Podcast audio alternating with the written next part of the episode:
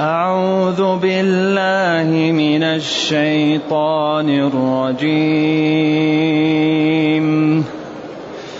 بسم الله الرحمن الرحيم. كافها يا عين صاد.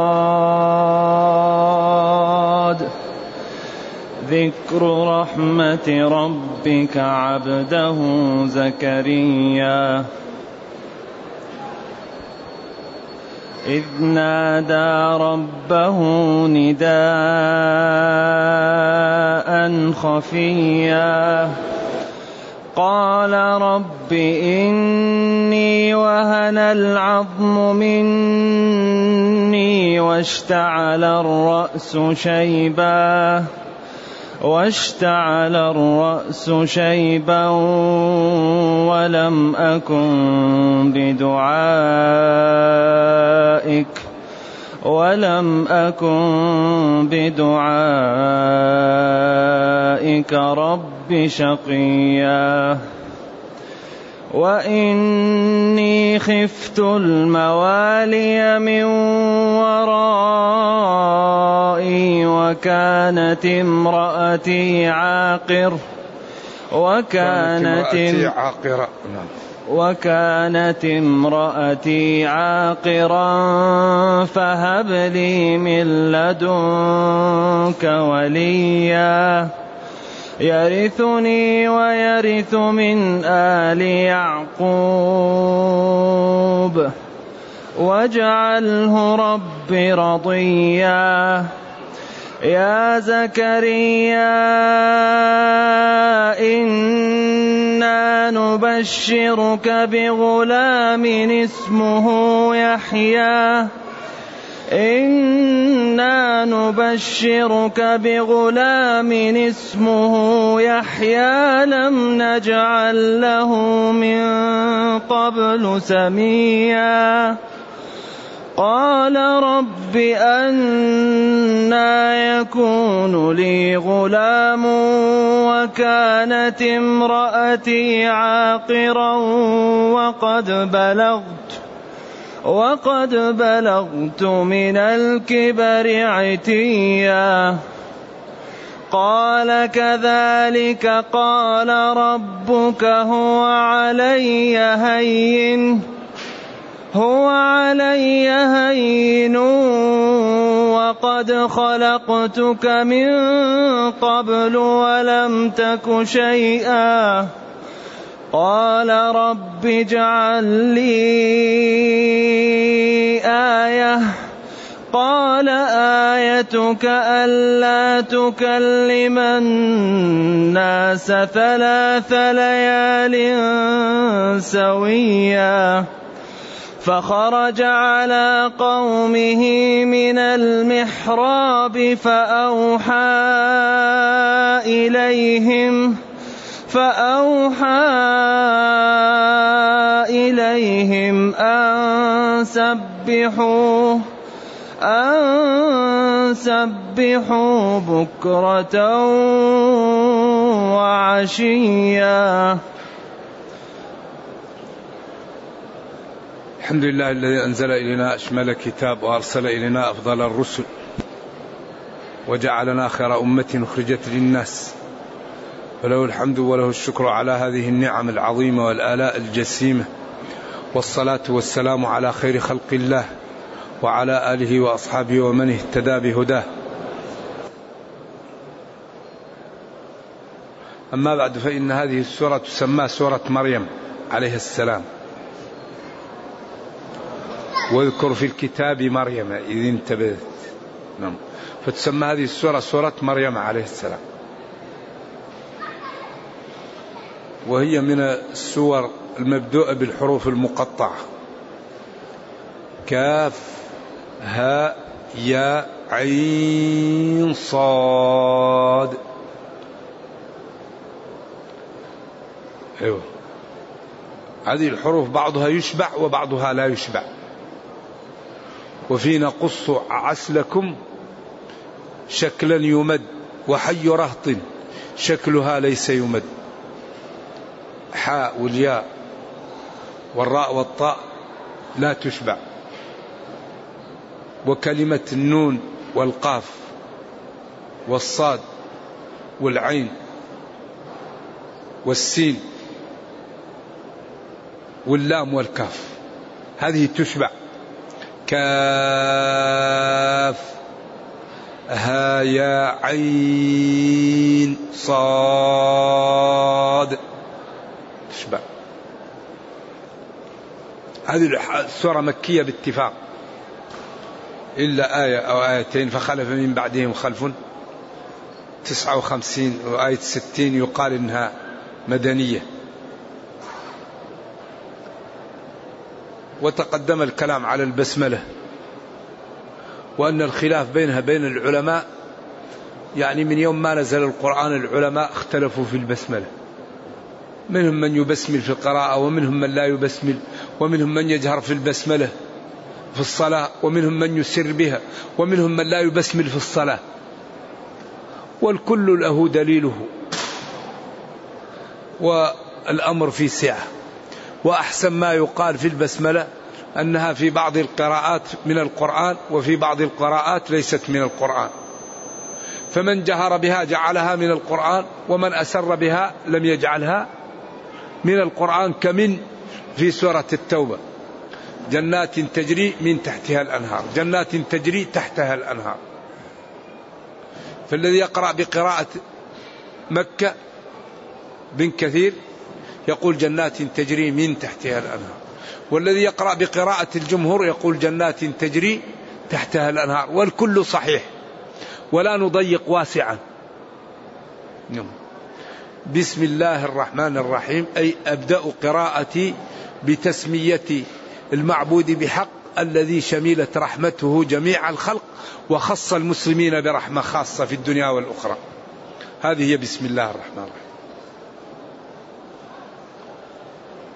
كاف ها يا عين صاد. هذه الحروف المقطعة العلماء اختلفوا فيها إلى قولين. قول إنها من المتشابه.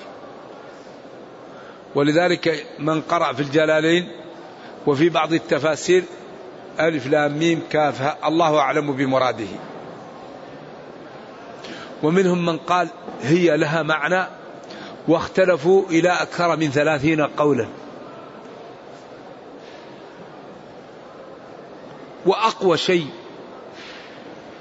في نظري أنها جاءت للتحدي ولم تأتي لتكون جملا مفيدة وإنما جاءت للإشارة إلى التحدي. أو لأنهم تعاهدوا وتوافقوا أن لا يسمعوا لهذا القرآن ولا ينصتوا له فجاءت هذه الحروف بطريقة غير معهودة ليسمعوا فتأتيهم قوارع القرآن. هذان القولان هم أقوى الأقوال. أنها جاءت للإعجاز أو جاءت لشد الكفار لسماع القرآن فيسمعوا القوارع وقد ذكر كبير المفسرين عشرة أقوال في أول سورة البقرة وقال إنها صحيحة أو أنها كلها لا يمكن أن تنفى. وقد بين الوالد رحمة الله علينا وعليه في أول سورة هود الأقوال الموجودة وذكرها ورجح أنها جاءت للإعجاز لأن الاستقراء حجة وكل ما جاءت الحروف المقطعة في أغلب القرآن يأتي التنويه بعدها في القرآن. ألف لام ميم ذلك الكتاب. ألف لام را كتاب أنزلناه صاد والقرآن. فكل ما جاءت هذه الحروف يأتي التنويه بش بالقرآن. وكأن الله جل وعلا يقول لهم أنتم أصحاب فصاحة وبلاغة ووصلتم في ذلك إلى العلياء. وهذا نبيي. صلوات الله وسلامه عليه أرسلته لكم وهو أمي لا يقرأ ولا يكتب. وجاءكم بكتاب من جنس كلامكم ومن وبطريقتكم. وأنتم تفهمون ذلك فأتوا بمثله. فإن عجزتم فاعلموا أنه رسول واتبعوه. فهي للتحدي. بعدين التحدي السافر. لذلك ذكر الباقلاني في كتابه القيم إعجاز القرآن أن هذه الحروف فيها نصف الحروف. فيها المجهور وفيها المهموس وفيها المستعلي وفيها المستفل وفيها من اللسان وفيها من الشفتين وفيها من الحلق. فكل أنواع الحروف موجودة في هذه. نصف الحروف موجودة فيها ونصفها غير موجود. فهي كأنها إشارة إلى الإعجاز كما ذكر ذلك في كتاب إعجاز القرآن. ذكر رحمة ربك عبده زكريا. ذكر من رافع ذكر هنا؟ ومن ناصب عبده؟ ذكر رحمة ربك عبده. نعم. هذا ذكر. أو كافها ذكر. أو فيما يتلى عليكم ذكر. ثلاثة أقوال. كافها ذكر. هذا ذكر. أو فيما يتلى عليكم ذكر. هي إما مبتدأ وإما خبر. والطبري رجح أنها خبر قال الابتداء دائما عند العرب يكون بالمضمر براءة أي هذه براءة. سورة أي هذه سورة. غزال هذا غزال. فالعرب تضمر في أول الكلام ولكن يجوز أن تكون أيضا مبتدأ. إذا ذكر رحمة ربك عبده. فعبده مفعول به لرحمة. نعم. والمصدر يضاف إلى فاعله ويضاف أحيانا إلى مفعوله ويكمل العمل بما لم يجر. وبعد جره الذي أضيف له كمل برفع أو بنصب عمله. بفعله المصدر ألحق في العمل. بعدين قال ذكر رحمة ربك عبده. رحم الله عبده. فأضيف المصدر إلى إلى فاعله ونصب المفعول. كمل برفع أو بنصب عمله إذا أضيف إلى إلى الفاعل أو المفعول. إذا عبده على أصح الأقوال. فاعل لرحمتي.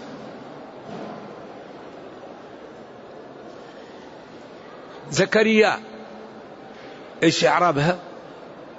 لأن الإعراب مندرجة تحت المعاني. ونحن الآن إذا تأملنا الضعف الذي تعيشه الجامعات في العالم الإسلامي والشيخوخة المبكرة ناشئة عن أمرين.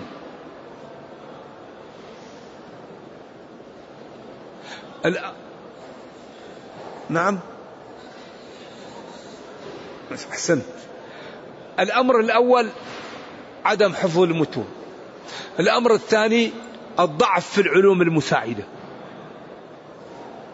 إذا هذا الضعف المستشري بين طلاب العلم وبالأخص الشرعيين في كثير من بلاد المسلمين ناشئ عن عدم القوة في العلوم المساعدة وعن عدم حفظ المتون.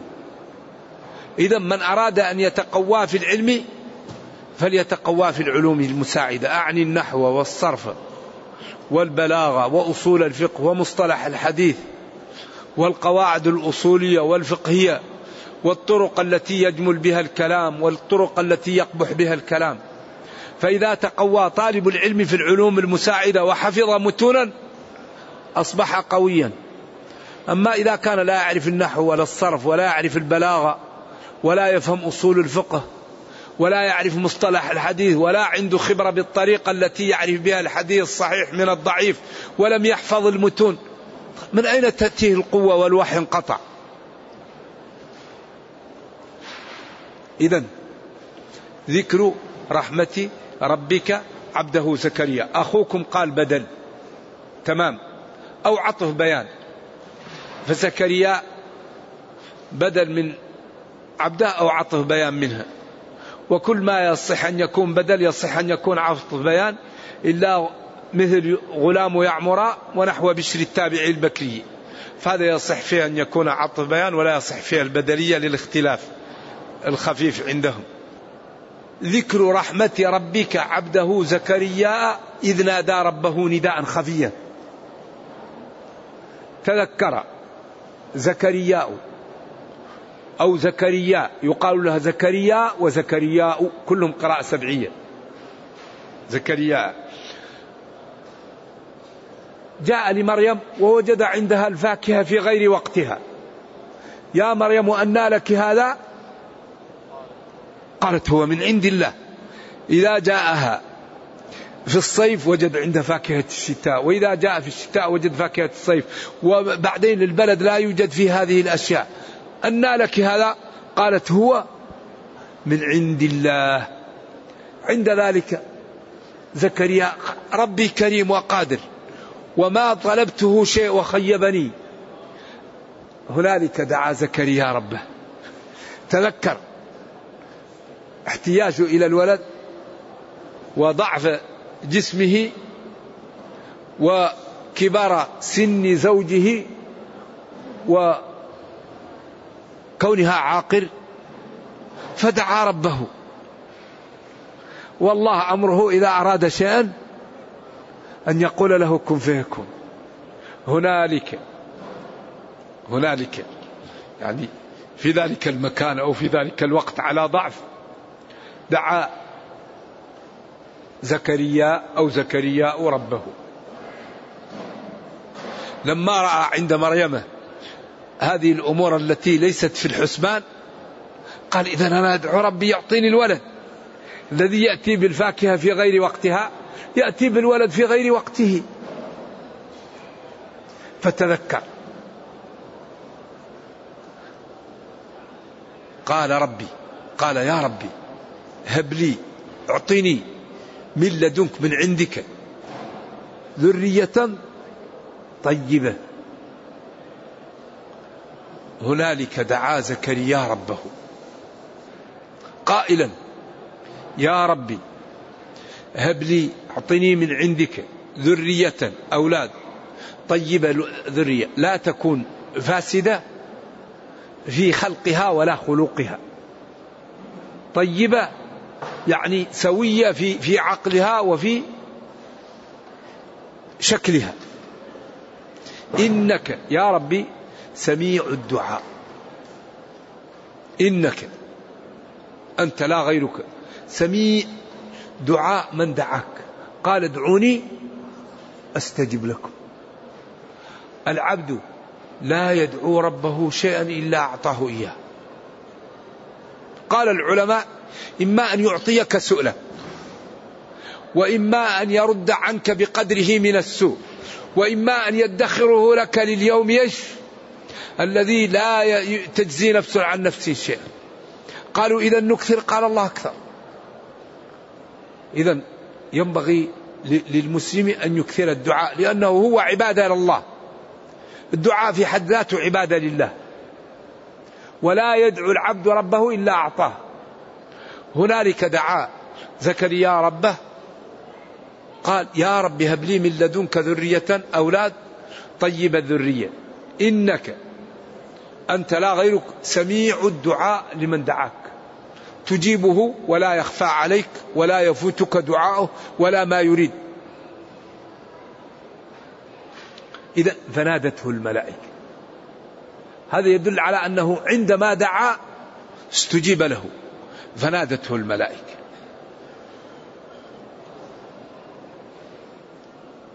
يا زكريا نادته الملائكة. قائل يا زكريا إن الله يبشرك بغلام.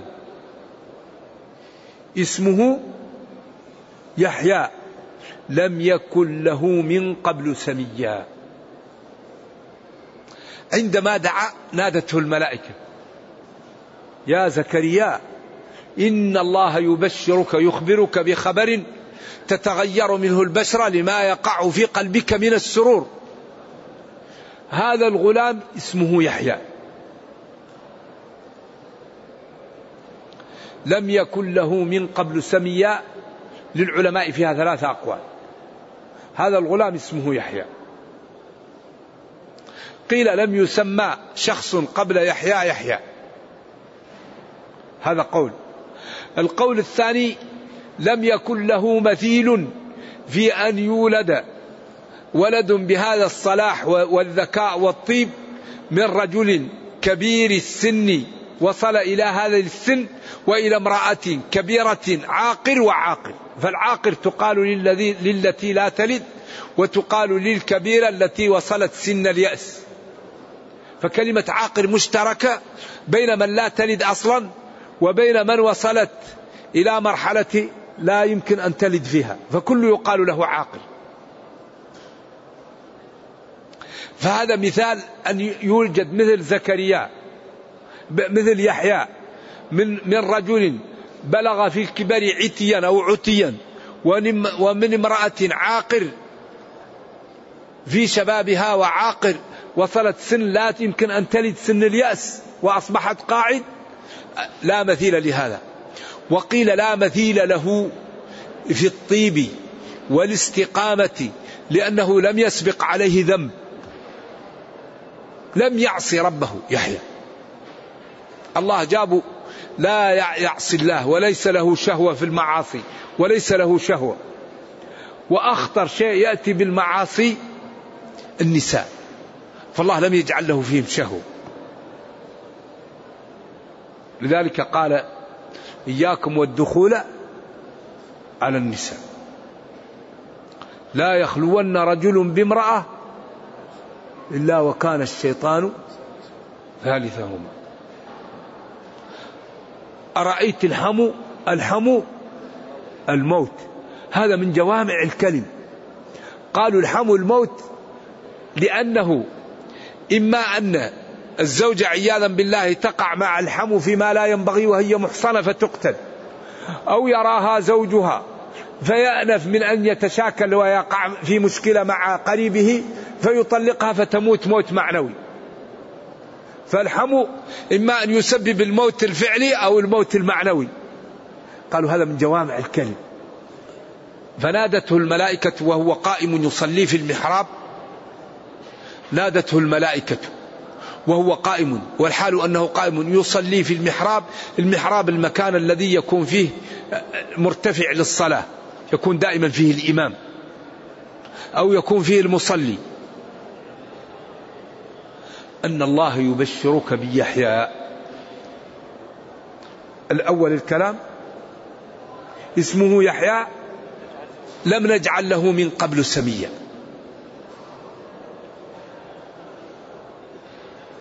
قال ربي كذا الب... أي...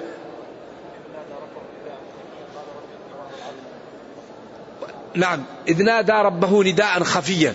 أول نادى ربه نداء خفيا قال العلماء سترى النداء لأن ذلك مدعاه للإخلاص ولأنه حتى لا يشوش عليه الناس.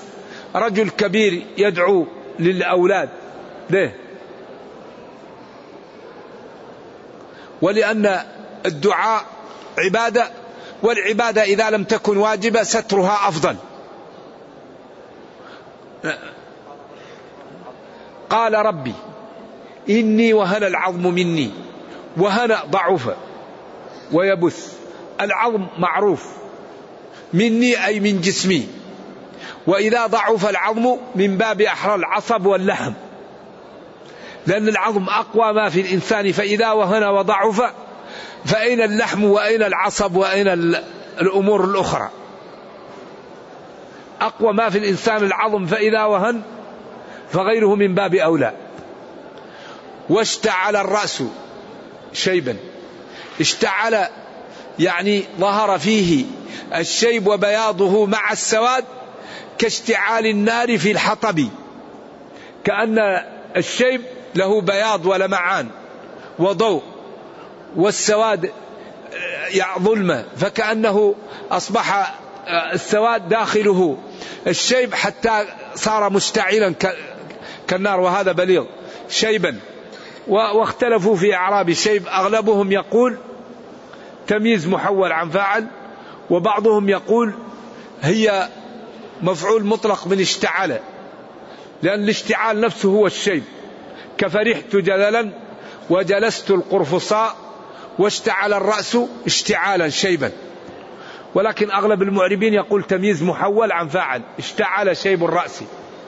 ومنهم من يقول حال وهي بعيدة. قال ربي إني وهن العظم مني واشتعل الرأس شيبا ولم أكن بدعائك ربي شقيا. ولم أكن. يا ربي بدعائك في يوم من الأيام شقيا حيث دعوتك ولم تجبني.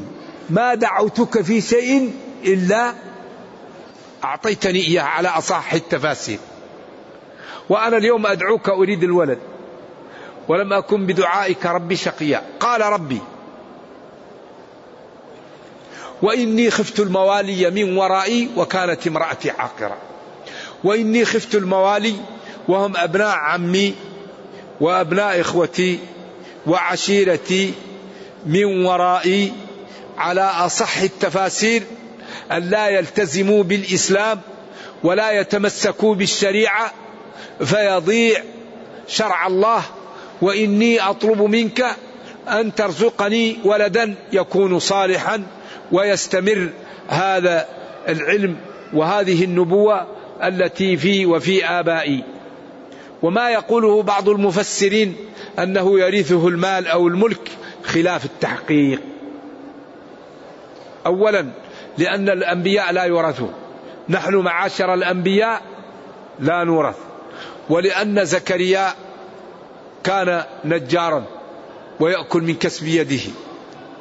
فدل هذا ولأن المال تافه ونبي الله لا يسأل أن يوجد ولد ليرث المال والمال لا قيمة له عند أهل الفضل وأهل الدين. إذا إني خفت الموالي من ورائي عشيرتي وأبناء عمومتي أن لا يستقيموا ولا يتمسكوا بهذا الدين فهب لي من لدنك أعطني من عندك ابنا صالحا طيبا يرثني يرث نبوتي ويرث من آل يعقوب ما كان عندهم من العلم والأدب والتقى والاستقامة. نعم. وكانت امرأتي عاقرة. يعني هذا إظهار للضعف والاحتياج ولبعد حصول هذا لأن هذا مدعاه للإجابة لأن العبد يفتقر لربه ويسأله ويظهر له حاجته. لذلك إذا دعا العبد ربه فليلح في الدعاء يلح الدعاء لربه لأن الله كريم. إذا قال وهل العظم مني؟ الوهن هو الضعف. واشتعل الرأس شيبا. ولم أكن بدعائك رب شقيا ما دعوتك إلا أجبتني وإني خفت. الموالي عشيرتي وأقربائي من ورائي وقيل الموالي هنا الكلالة. وهم الإخوة وأبناء العمومة. من ورائي وكانت امرأتي عاقرة. لا تلد. فأعطني من لدنك وليا يرثني ويرث من آل يعقوب واجعله ربي رضيا. يا زكريا. على طول. قال له ربه يا زكريا إنا نبشرك بغلام اسمه يحيى. لم نكن لم يكن له من لم نجعل له من قبل سميا.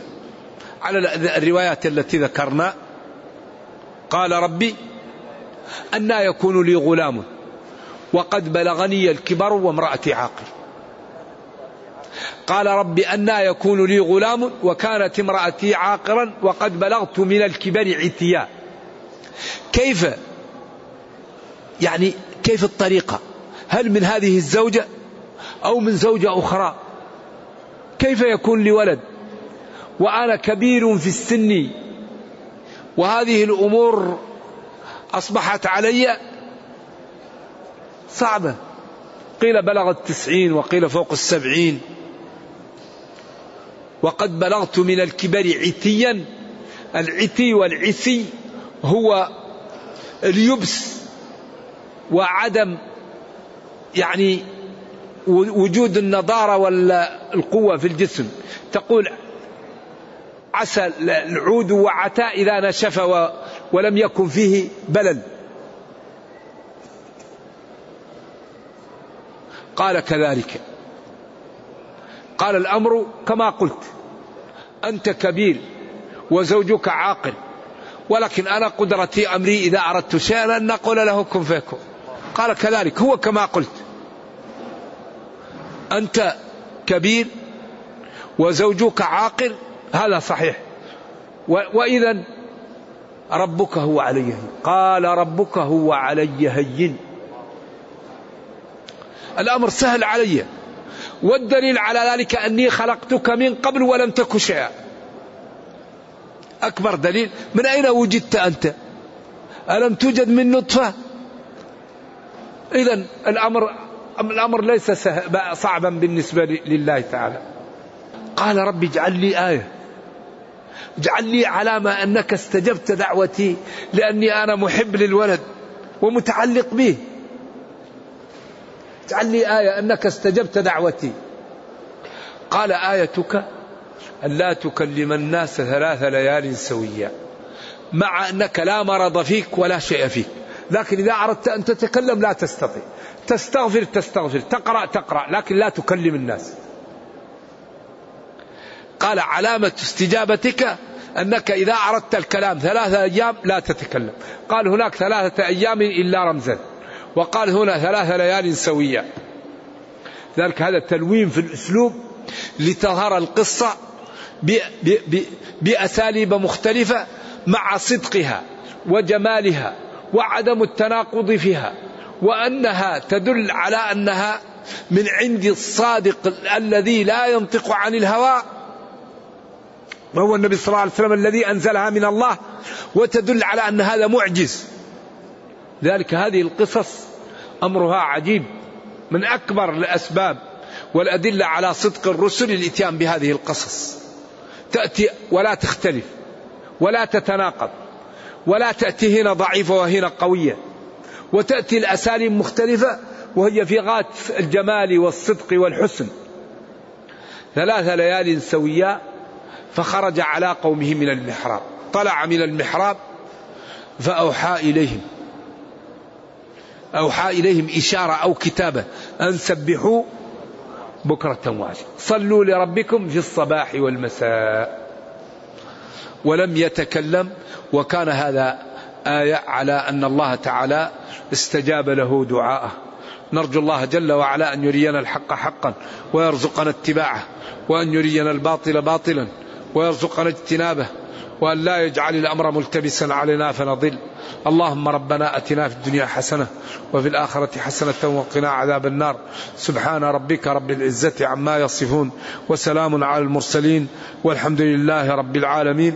والسلام عليكم ورحمة الله وبركاته. قالوا يا موسى إن الملأ يأتمرون بك ليقتلوك. وفي سورة وقال رجل مؤمن من آل فرعون. هل هو نفس الرجل؟ الذي قيل إنه رجل تقتلون رجلا أن يقول ربي الله؟ قيل هذا أبو بكر في بعض في في سورة غافر. أما هنا الرجل رجل مؤمن في موسى هو كان سمعهم يقول وجاء رجل من أقصى المدينة يسعى قال يا موسى إن الملأ يأتمرون بك ليقتلوك. لأنه ضرب واحد وقتله ومن الغد جاء الرجل يريد أن يتشاكل مع الرجل الذي تشاكل مع الرجل. فجاء موسى ليضرب عدو فخاف فقال أتريد أن تقتلني كما قتلت نفسا بالأمس؟ فراح واحد ووشى بهم وجاءه رجل وقال إن الملأ يأتمرون بك ليقتلوك. والحقيقة الله أعلم لكن الذي يظهر أنه قد تكون القصة تختلف. نعم. بس